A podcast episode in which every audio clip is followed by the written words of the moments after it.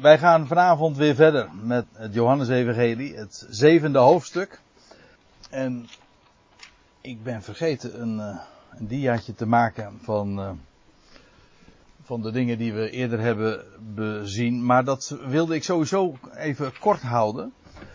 Het uh, enige wat ik er eventjes nog over wil opmerken is dat we, als we in Johannes 7 lezen, dat we in ons bevinden in Jeruzalem. Ten tijde van het Loofhuttenfeest. Dat staat in hoofdstuk 7, vers 1. Ja, vers 1 en 2.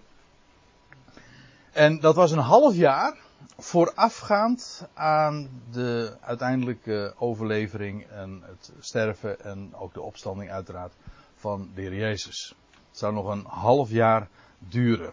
Dus dat eventjes wat de de locatie, ook in de tijd uh, bezien van, uh, van dit hoofdstuk. En het was uh, ook het hol van de leeuw. Want we zien ook dat hier weer enorm veel vijandschap loskomt. Als Jezus daar dan in Jeruzalem is. En, en dan vindt in vers 25 lees je dan over de reacties die er komen vanuit het, de bevolking van Jeruzalem zelf die dan zo hun, eh, hun opinie vormen. En, nou ja, dat zijn zo van die eh, conversaties die dan, zoals Johannes dat heel veel doet, worden weergegeven. En het laatste wat we de vorige keer hebben gelezen, dat is het 27e vers. En dat was een, zeker het laatste gedeelte, was wat eigenaardig. Maar laat ik het nog eventjes de draad daar oppakken. Dat zij dan zeggen, de, zo in die conversaties van uh, in Jeruzalem. Maar van deze man hebben wij waargenomen, zeggen ze dan, waar, hij, waar vandaan hij is. Dat wil zeggen, ze wisten, hij komt vanuit Galilea. We zullen dat vanavond trouwens ook nog, nog uh, veel uitgebreider zien. Dat hij daarmee, dat Jezus daarmee ook werd afgeschreven. Want dat kon nooit, daar kon nooit iets goeds vandaan komen. Maar dan zeggen zij, wanneer de Christus zou komen, weet niemand waar vandaan hij is. Dit is uh, een van de opinies die daar zo rondzong en die hier dan is opgetekend. En de vorige keer hebben we daar uh, wat, wat uitgebreider bij stilgestaan. Want uh, je zou je de vraag kunnen stellen van, men wist toch dat als de Christus zou komen, dat hij geboren zou worden in Bethlehem. Ook dat zullen we vanavond trouwens nog zien. Uh, ho hoezo dat uh, sommigen dan van hen zeggen van als, als de Christus, de Messias komt, dan weet niemand van waar hij is. En toen hebben we overwogen dat een van de dingen die men ook van de Christus, de Messias, wist, is dat uh, als de, dat de, de mensenzoon zou komen op de wolken van de hemel, Daniel 7. en dat is niet zomaar een plek die hier op aarde aanwijsbaar is. Dus uh, zij zeggen van ja, als de Christus komt, dan komt hij niet zomaar op een plek die wij hier kunnen aanwijzen, maar dan komt hij op een heel andere, op een heel andere wijze, namelijk met de wolken van de hemel. Kennelijk, het, ik kan het niet bewijzen, maar dit is de enige manier waarop ik zo'n zo'n uitlating kan, uh, kan verstaan. Dus uh, dan zegt men van ja, hij, hij komt vanuit de hemel. En het punt is natuurlijk dat en dat, ook dat zullen we nog wel zien. En daar hebben we, ik heb de vorige keer nog verwezen naar 1 Petrus 1. Dat, dat je ook leest dat de profeten zelf, terwijl zij de komst van de Messias voorzegden, dat zij in hun eigen profetieën, in hun eigen geschriften, hebben nagevorst en nagespeurd op hoe, de, ik citeer nu even vrij, ik heb geen dia er nu ook van, maar op hoedanige tijd en op welke wijze de geest van Christus in hen doelde. Dat wil zeggen, ze begrepen zelf niet, en ze hebben daarna naar gespeurd, wat ze eigenlijk hebben opgetekend. Wat ze moesten opschrijven.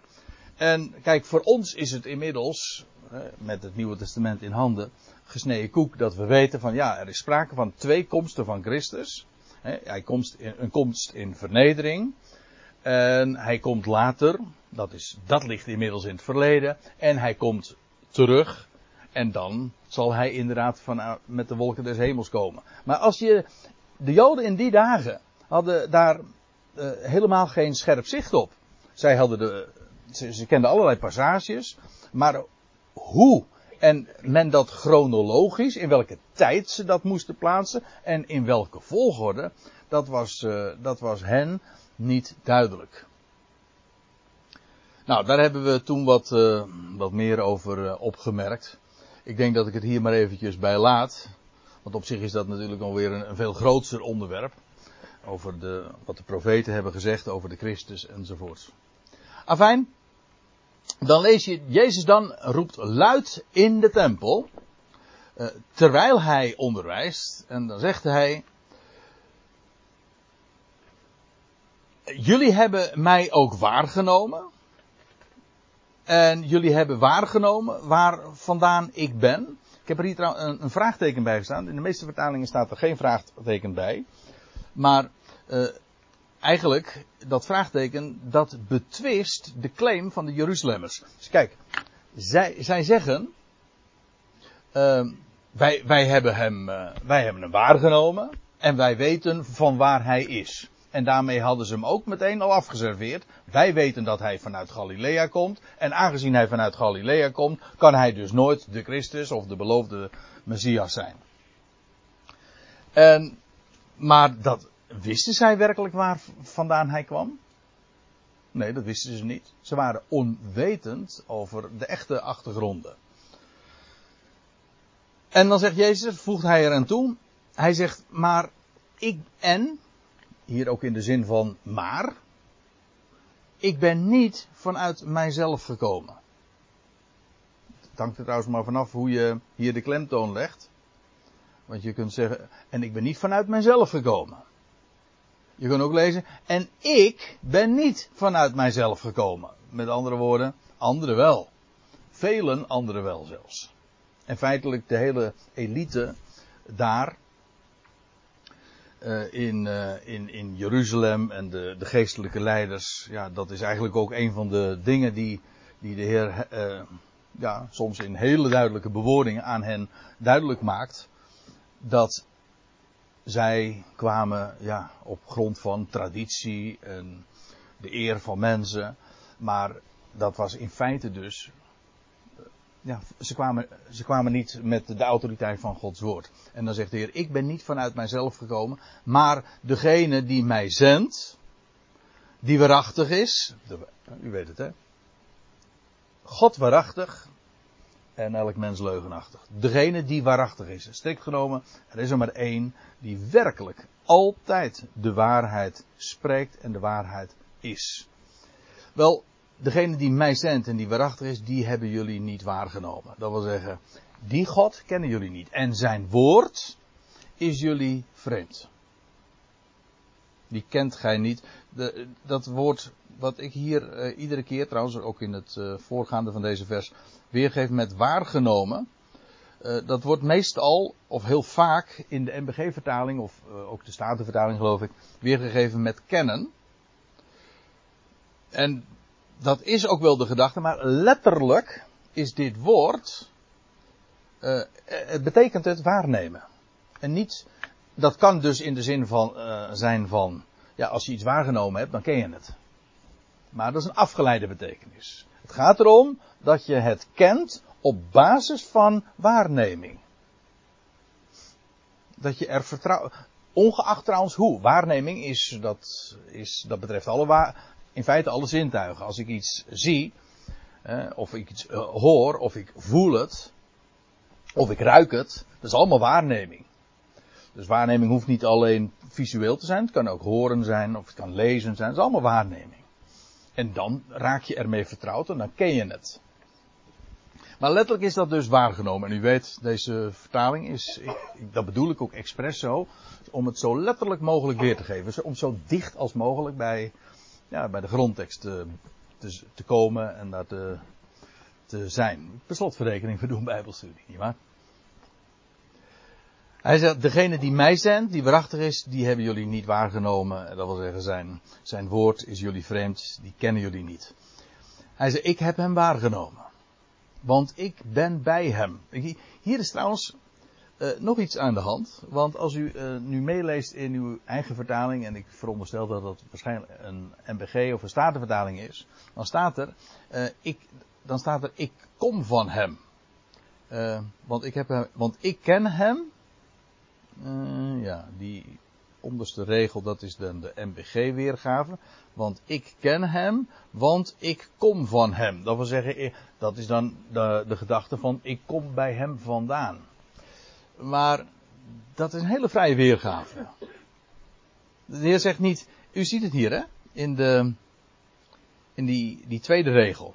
Niet, uh, want, uh, niet ik kom, maar ik ben. En dan niet, ik kom bij hem vandaan. Er staat hier niet het, het je hebt een voorzetsel, dat is apo, en dat betekent vanaf. Ik kom bij hem vandaan. Maar er staat hier niet, uh, vandaan, het, uh, het voorzetsel apo, maar het voorzetsel para, dat betekent ernaast. Dus de Heer zegt letterlijk, ik ben bij hem, of ik ben naast hem, of, maar niet, niet de gedachte van ik kom bij hem vandaan. Daar zit denk ik trouwens ook nog wat uh, dogmatische uitleg in. Zo van ook weer dat idee van hij komt, uh, hij is van de hemel neergedaald in de zin ook van dat hij, dat dat een persoonlijke actie zou zijn. Maar dat is niet wat hier staat. En als de Heer zegt, ik ben, ik ben bij hem. Ja, hoezo? De, Heer is bij hem. Hoe, ik kan dat maar op één manier uh, verstaan. En dat is, hij doelt op, op zijn woord.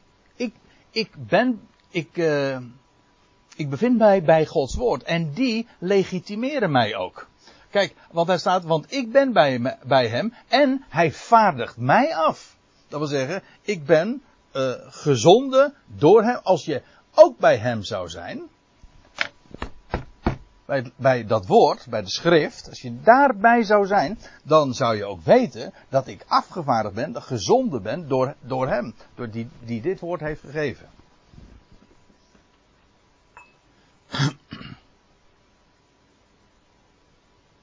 En uh, het is mij al heel vaak opgevallen dat als je zo nu, we zijn nu inmiddels dus in hoofdstuk 7 van Johannes Evangelie, dat de Heer zo vaak doelt.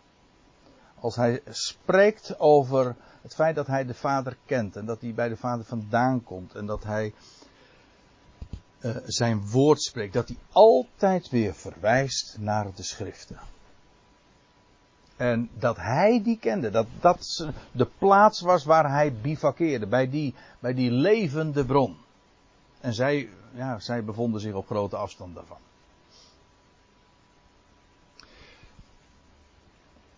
Ik heb hem waargenomen, ik ben bij hem. En hij vaardigt mij af. Nou ja, u, je voelt hem eigenlijk alweer aankomen. En dan staat er, en zij zochten hem dan te pakken, te grijpen. En niemand wierp de hand op hem. Dat, zo staat het er letterlijk. Of niemand sloeg hem sloeg aan hem de hand. En dat is eigenaardig. Ze, moet je je voorstellen. Zij zochten hem te pakken. En toch niemand wierp de hand op hem. We, we lezen dit trouwens nog één of twee keer meer. Maar het, het, voelt, uh, het, het, lijkt net als uh, Daniel in de leeuwenkuil. Uh, de Heer bevindt zich hier inderdaad ook in, in, de, in een leeuwenkuil. In Jeruzalem. Eh, levensgevaarlijk terrein. Ze zochten hem te doden. Inderdaad, wij zeggen dan ook in het hol van de leeuw. Daar bevond hij zich. Ze zochten hem te doden. En toch, het was onmogelijk. Een, een onzichtbare hand weerhield hem ervan om daadwerkelijk de, de daad bij het woord te voegen. En ja, ik, ik moet dan inderdaad aan Daniel eh, denken. Eh, je leest de, ik meen uh, dat dat zo staat in, in die geschiedenis van Daniel 6. Dat de, de leeuwen, de muilen van de leeuwen waren toegesloten. Als, als, als, die er dan vervolgens uitgehaald wordt, bij koning Darius, dan lees je dat uh, degene die, hen, die ervoor hadden gezorgd dat Daniel in de leeuwenkuil terecht kwam, die kwamen er zelf in. En, uh, En dan lees je dat ze zeer gretig uh, hen allemaal uh, doden. Tot op het bot aan toe staat er erbij. Ik bedoel maar, hoe, hoe kan het dat de Heer hier in Jeruzalem is? Ze zochten hem te doden. Ze konden hem zo grijpen, zou je zeggen. En toch wierp niemand de hand op hem. Waarom? Nou, daar hoeven we niet over na te denken. Want het wordt namelijk hier zelf verklaard in het vers. Want staat er, het uur van hem was nog niet gekomen. Daarom. Het zou, het was nu, ik merkte het al in de aanvang even op, het was nu Loofhuttenfeest. Een half jaar voor Pascha. En toen, toen, met Pascha, toen kwam het uur. Toen was ook de volheid des tijds, ook chronologisch, want ook de kruisiging van de Heer was zelfs niet alleen maar voorzegd uh, hoe hij zou sterven, maar zelfs wanneer. Dat is nu niet het onderwerp, maar het gaat er maar om. Het was, zoals de, de, ergens in de gelaten brief lees je dat Paulus zegt van, in de volheid van de tijd heeft God zijn zoon gezonden. Dat was precies op het moment dat voorzegd en gepland was. En hier, ja, het was Loofhuttenfeest. En de Heer zou geslacht worden, niet op het Loofhuttenfeest. U, we weten, u weet nog wellicht, het Loofhuttenfeest dat is het feest uh, in de zevende maand en al die, die hoogtijden in de zevende maand hebben allemaal een betrekking op de tweede komst van Christus. Zoals de hoogtijden in de eerste maand, met Pascha onder andere, te maken hebben met de eerste komst van Christus. Het was het uur nog niet. Vandaar dat de Heer, ondanks het feit dat hij in het hol van de leeuw was, toch, uh, hoe, la, hoe, las je dat? Uh, dat hij? Wat zegt hij dan? Nou, dan moet ik wel erg ver terug. Oh ja, hij, hij roept, hij riep luid in de tempel en hij onder, terwijl hij onderwees. Hij riep luid in de tempel. Dus het was niet zo dat hij zich hier uh, verdekt opstelde of dat ze hem niet konden vinden. Nee, dat was het niet. Maar, ja, ik noem het maar. Het, was de goddelijke hand die ervoor zorgde dat dat niet gebeurde.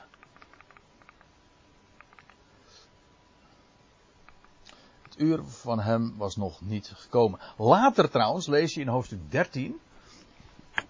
Daar heb ik even geen diaatje van, maar ik, ik hoop dat ik tenminste hier het goede vers had. Ja, en dan staat er in Johannes 13 vers 1. En voor het paascha, toen Jezus wist dat zijn uren gekomen was om uit deze wereld over te gaan tot de Vader, heeft hij de zijne, nou ja, enzovoorts. Pascha. Toen Jezus wist dat zijn uren gekomen was. Toen was zijn uren gekomen. Bij het Pascha. Ook daarvan was een dag bepaald dat het lam geslacht zou worden. En dat was de dag, dat was het uur. En niet het Loofhuttenfeest. En dan staat er, uh, ik lees verder in vers 31, maar vanuit de schade geloven velen in hem. En zij zeiden, uh, wanneer de Christus ook maar zou komen, uh, wanneer de Christus ook maar zou komen. Ik zei al even eerder, eventjes voordat ik de zin nou afmaak met lezen. Ik zei al eerder, daar in Jeruzalem, ja, het was een, een grote menigte, het was Loofhuttenfeest, dus vele pelgrims waren daar verzameld in de stad. Dus uh, het was ook een cacophonie van allemaal opinies en meningen zoals je dat nu eenmaal onder men, mensen hebt. We zullen later trouwens ook nog wel zien dat er verdeeldheid om hem was. Ja, schisma's. De, de een zei dit en de ander zei dat. En, maar er was ook een categorie die inderdaad zijn claims accepteerde. Vanuit de schade gelo geloven velen in hem. Ze zeiden wanneer, wanneer de Christus ook maar zou komen, dan zal hij toch niet meer, meer tekenen doen dan deze doet. En je zou denken dat als je dit zo leest, dat dit allemaal koek en ei is, dat deze mensen echt van harte geloven. Maar ik ben daar niet zo zeker van. Het wordt hier gewoon Johannes uh, rapporteert het als een, bij wijze van spreken als een, journalist. Hij, analyseert het niet, hij, becommentarieert het niet. Maar nou, Nou neem ik u even nog mee naar het begin van het Johannes-evangelie. En dan staat er... Uh, dit, Johannes 2. En dat was de eerste keer dat de Heer in Jeruzalem was, tijdens de openbare bediening. U weet wel, dat was die keer dat hij ook de, de tempel uh, voor de eerste keer reinigde. En terwijl hij te Jeruzalem was, op het Pascha, geloofden velen in zijn naam. Nou, dat zou u zeggen, dat is mooi. En dan staat erbij, doordat zij zijn tekenen zagen, die hij deed. Maar dan staat erbij, en dan ontstaat de argwaan. Maar Jezus zelf vertrouwde zichzelf hun niet toe, omdat hij hen alle kende. Het gaat nog even verder. Maar dat geeft aan, ja, waarom? Je leest dat bij, bij meer gelegenheden, dat daar natuurlijk veel aanhang was. Een, een, hoofdstuk eerder in Johannes 6 hebben we dat ook gezien. Dat er veel aanhang was, dat er misschien wel veel acceptatie en adoratie van hem plaatsvond. Maar het was niet zuiver. Het was niet, men accepteerde hem niet zozeer, als wel het feit dat men geïmponeerd was door de wondertekenen die er gebeurden. En dat ze vandaar ook eh, dan zeggen, ook hier hè, wanneer de Christus ook maar zou komen, dan zal hij toch niet meer tekenen doen dan deze doet. Ze hadden waarschijnlijk ook eh, veel van horen zeggen, van wat er in Galilea allemaal had plaatsgevonden. Met andere woorden, die tekenen die hij deed, die wonderen, die overtuigden hen ervan dat, dat hij de Christus was. Over zijn woord wordt niet gesproken. Dus ik denk dat er echt wel goede redenen zijn om, uh, om zo uh, op je hoede te zijn. Om, om uh, over de zuiverheid van hun motief om, om, om van dat geloof.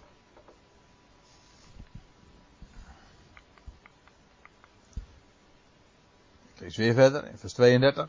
De fariseeën dan, die hoorden de, die hoorden de schade deze dingen omtrent hem murmelen. Of mompelen. Zo zag, dat werd dus, het gaat hier vooral natuurlijk over die laatste categorie. Die eigenlijk dus met achting over hem spreekt. En die zegt van, nou, goh, dit moet toch de Christus zijn. Hij doet zo enorm veel wondertekenen.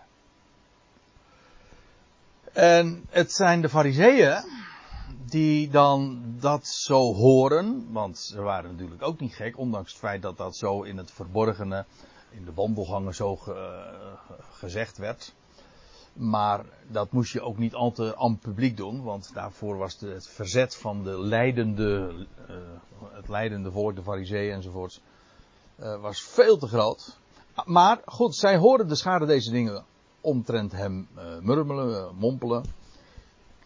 Terwijl ik het zeg murmelen, denk je van, is dat... ik gebruik het woord eigenlijk nooit, maar goed.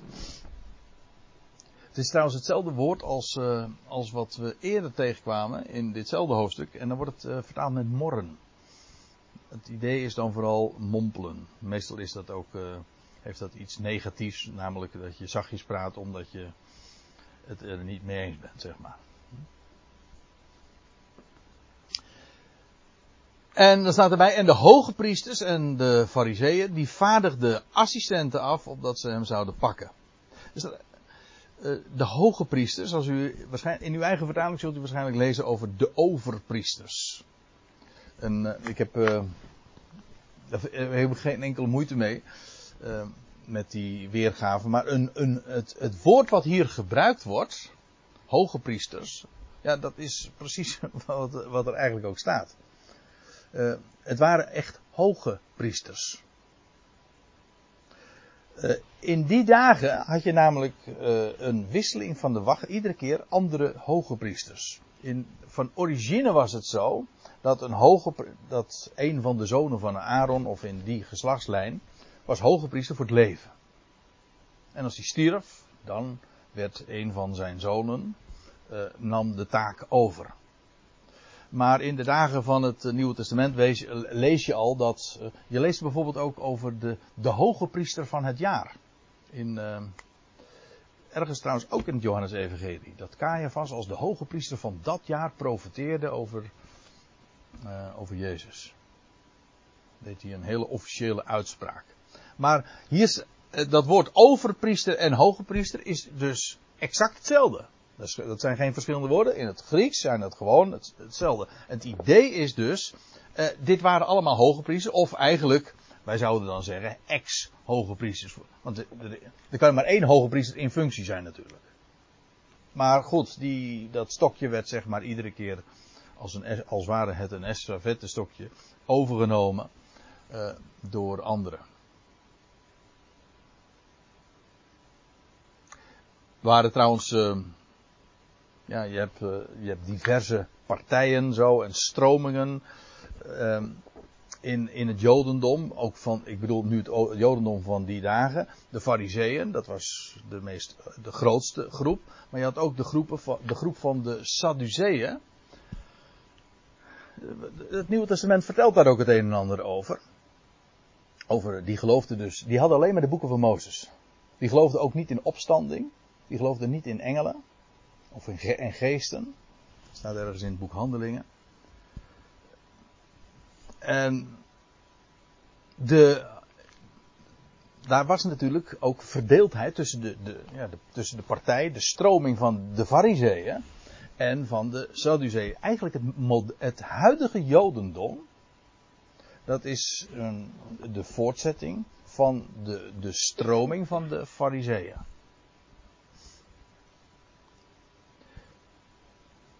En die, uh, die hoogpriesters die kwamen trouwens meestal uit, het, uh, uit de kringen van de Sadduceeën.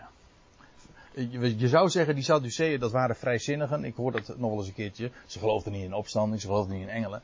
Maar feitelijk waren dat juist uh, de, de meest. Zo, nou, orthodox is, is misschien niet het goede woord. Maar ze waren het meest streng in de praktijk omdat ze uit, uitsluitend zich beriepen op de, de hele formele lezing van de wet van Mozes. Maar goed, dat was even een, uh, even een kleine uitweiding over de diverse partijen zeg maar, die je in de leiding had. Je had de fariseeën, de, de, de overpriesters, die meestal dus uit de kring van de Sadduceeën kwamen. Nou, en die hoge priesters en de fariseeën, die gooien het hier feitelijk op een akkoordje. En die vaardigen assistenten af opdat zij hem, Jezus, zouden grijpen of pakken, vast zouden pakken. Dus dat wordt van hogerhand, eigenlijk vanuit de top, wordt dat geregeld. Zij wilden dat laten doen.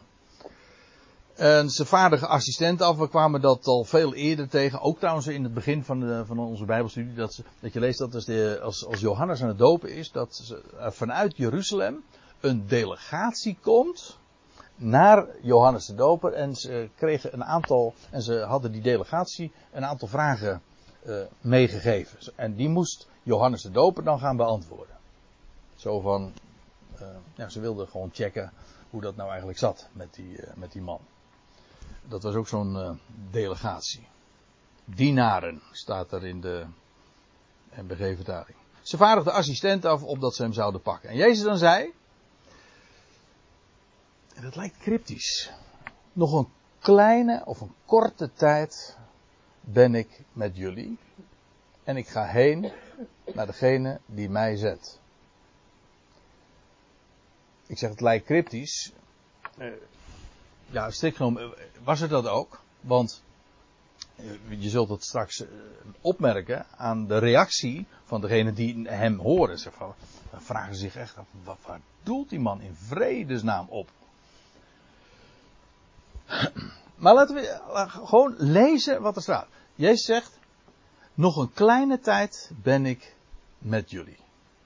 En dan, na die kleine of korte tijd, dan ga ik heen naar degene die mij zendt. Nou, lijkt me duidelijk. Wie zond hem? Dat was God zelf. Dus hij zou terugkeren tot God. Hij zou tot, tot God gaan. En dat zou niet lang meer duren, want hij zegt nog een kleine tijd. Dat is, met, met recht, want al eerder merkte ik op. Het was nu Loofhuttenfeest. Met paascha zou hij worden omgebracht. En tijdens datzelfde paascha zou hij ook nog opstaan en eh, ten hemel varen. En dat was dus allemaal binnen een, of in een half jaar tijd, is dat ook daadwerkelijk gebeurd. En hij zegt, de heer Jezus voegt er iets aan toe. Dan ga ik heen naar degene die mij zendt. En jullie, Jeruzalemmers, maar ook jullie uh, delegaten van de fariseeën, van de overpriesters. Jullie zullen mij zoeken en niet vinden. ook dat is letterlijk zo gegaan, want uh, zij hebben hem gezocht. En het is eigenlijk nog sterker. Ze konden zelfs, ze wisten waar hij, waar zijn graf was. En toch konden ze hem niet vinden. Dus een van de opmerkelijkste dingen in verband ook met de, de hele geschiedenis van de opstanding. Eén ding hebben de tegenstanders nooit tegengesproken. Ze hebben natuurlijk tegengesproken, de hele de Joodse leiding, de Joodse leidslieden, de hele orthodoxie. Uh, Joodse orthodoxie heeft uh, weersproken dat hij opgestaan was. Dat is duidelijk. Maar één ding hebben ze nooit weersproken. En dat is dat het graf inderdaad waar hij gelegd was leeg was. Dat was namelijk een onbetwistbaar feit. Ja, dat was ook uh, op instigatie notabene van de, van de Joodse leidslieden was, was er zelfs nog een, een, een hele uh, Romeinse wacht daar ge, gestationeerd voor een paar dagen. Dus daar, dat was de plek. Die, die plek waar hij begraven was, konden ze aanwijzen. Maar het graf was leeg. Ook dat was duidelijk, want de steen was weggewendeld en het graf was leeg. Natuurlijk hebben zij daar een andere verklaring aan gegeven. Zijn leerlingen hebben hem gestolen. Wat trouwens een absurde uitleg is, maar goed, dat is weer een ander verhaal. De Heer zegt dus, jullie zullen me zoeken. En wat, hoe graag, hoe graag hadden ze hem niet gevonden. Hè? En dat ze konden zeggen van, oh, uh, wij weten waar zijn leerlingen hem hebben neergelegd. Dat ze hem tevoorschijn kunnen ha konden halen en dat ze daarmee de hele be bewering van die discipelen en van de leerlingen konden ontkrachten. Reken maar dat ze in het werk, eh, alles in het werk hebben gezet om dat te achterhalen. Maar jullie zullen mij zoeken, maar ze me niet vinden. En, en dan zegt de Heer erbij, en waar ik ben, waar ik ben, hè, dan ben, dan kunnen jullie niet komen. Nee, dat lijkt me evident. Want de Heer was opgestaan. En inmiddels, eh, eigenlijk al op de dag van de opstanding, is hij ten hemel gevaren. Maar goed, officieel dan 40 dagen later. En verhoogd in de hemel. Ontrokken aan het oog, aan Gods rechterhand. Ja, dat lijkt me uh, vrij evident. Dat is een plek waar zij niet konden komen.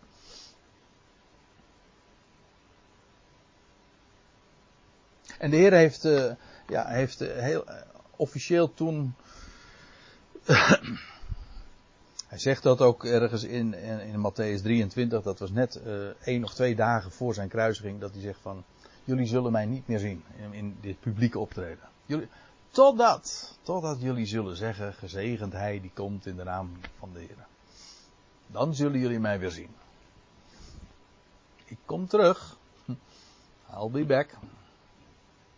Maar goed, waar ik ben, daar kunnen jullie niet komen. En, en nu ja, gaan die radarretjes natuurlijk in die bovenkamer draaien. En dan zeggen ze, de Joden dan zeiden tot elkaar, waar staat deze dan op het punt heen te gaan? Korte tijd. Jullie zullen me zoeken, niet vinden. Eigenlijk, de Heer had het gezegd. De Heer had gezegd, ik ga naar degene die mij zendt, gezonden heeft. Maar goed, ze begrijpen het niet. De Joden dan zeiden tot elkaar, waar staat dan deze op het punt heen te gaan? Dat wij hem niet zullen kunnen vinden. Hij, en nou gaan ze, nou gaan ze uh, een suggestie doen. Die ze zelf trouwens niet eh, echt blijken te geloven. Maar dan staat er, hij staat toch niet op het punt tot in de verstrooiing van de Grieken te gaan. En de Grieken te onderwijzen. Hier wordt een woord gebruikt, de verstrooiing, dat we drie keer in het Nieuwe Testament aantreffen. U kent het allemaal, het Griekse woord, denk ik. Het Griekse woord is diaspora, precies. Diaspora, diaspora uh, ja, is eigenlijk gewoon uh, doorst, uh, verstrooien. de verstrooiing is precies de gedachte van dat woordje diaspora. En het is altijd de aanduiding, we komen hem tegen in Jacobus 1.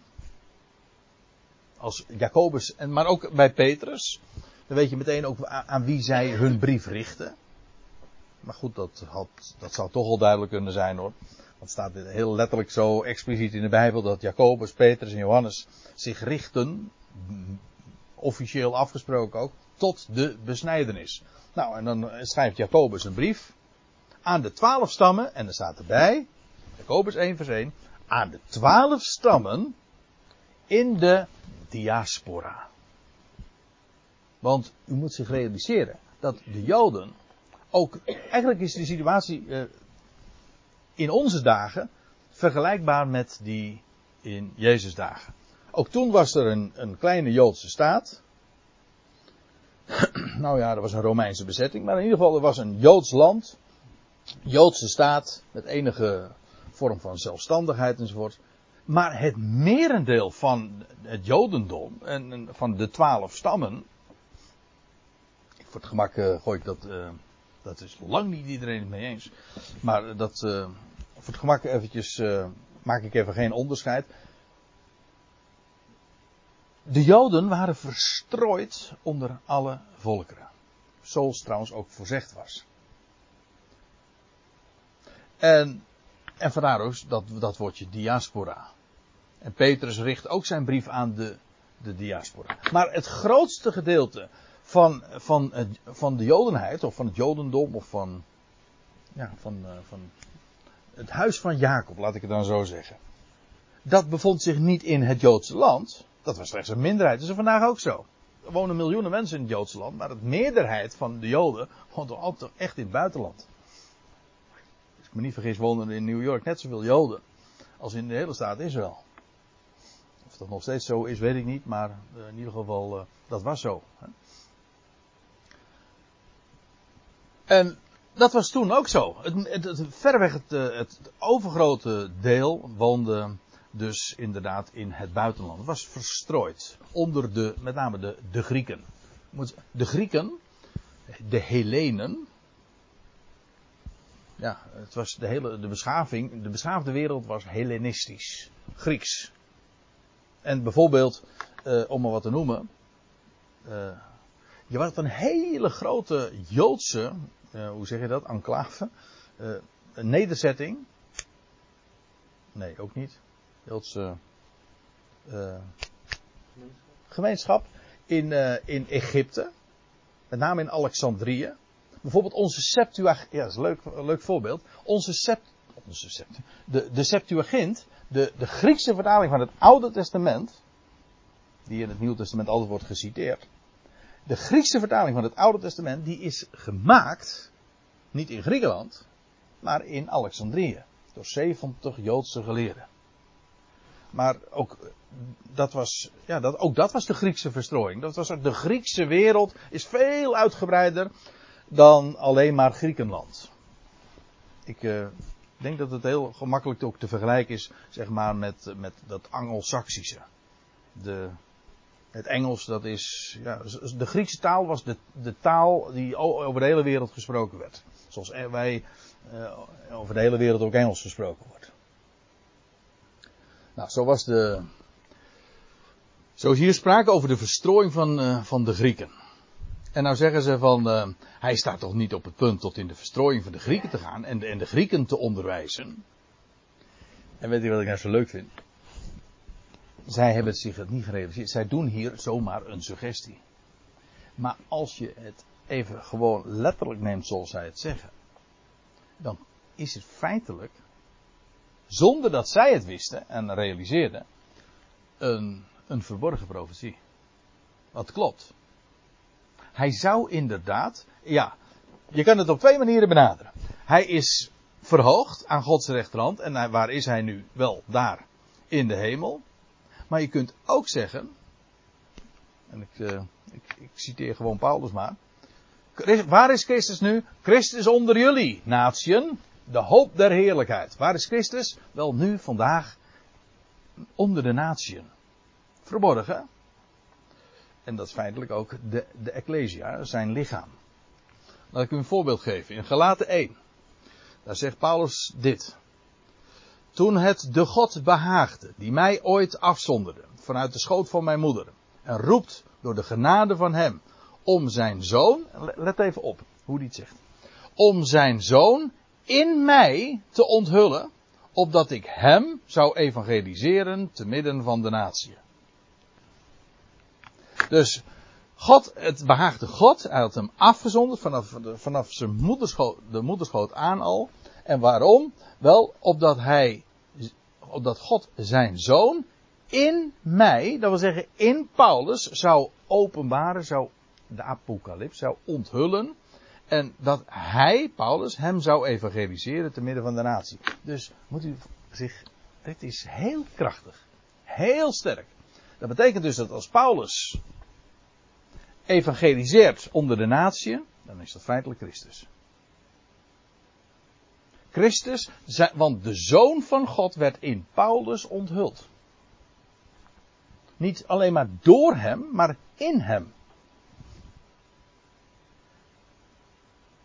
Vandaar ook dat het heel krachtig is als Paulus zegt: Ik ben een afgevaardigde van hem.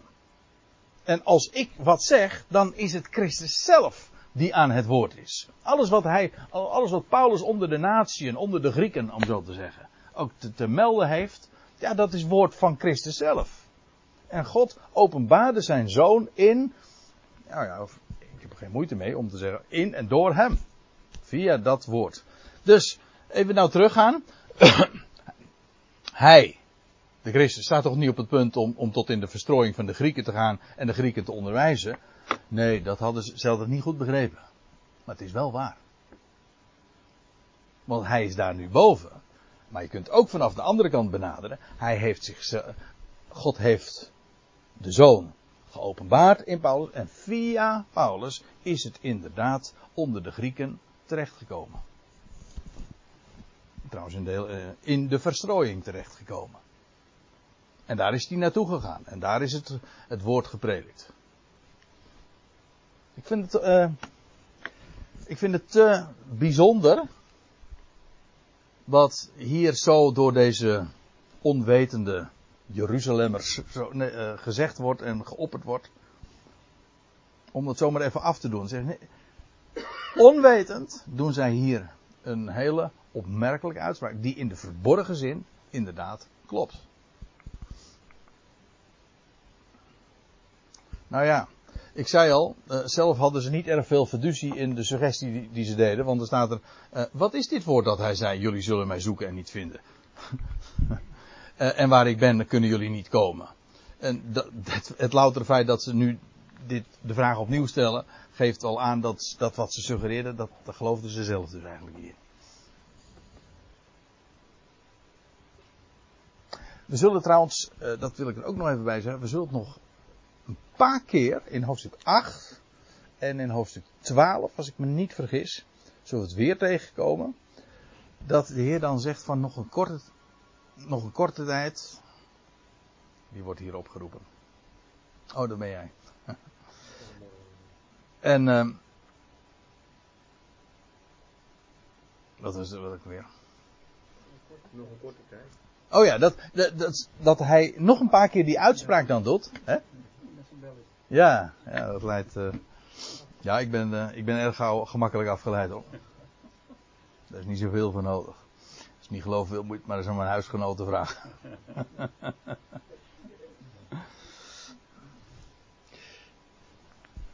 maar uh, hij zal nog een aantal keren die uitspraak doen over die, een korte tijd. En waar ik ben, daar kunnen jullie dan niet komen. Jullie zullen me zoeken en niet vinden. Die uitspraak. Dus we komen hem nog, nog vaker tegen. En dan. En dan in vers 37 ons uh, begint een, een, nieuw gedeelte. En ik zie, ik zit er even naar mijn klokje te kijken. Het is nu 5 en 9. Wellicht dat we verstandig gaan doen. Eerst even te pauzeren. Dan gaan we straks hier verder.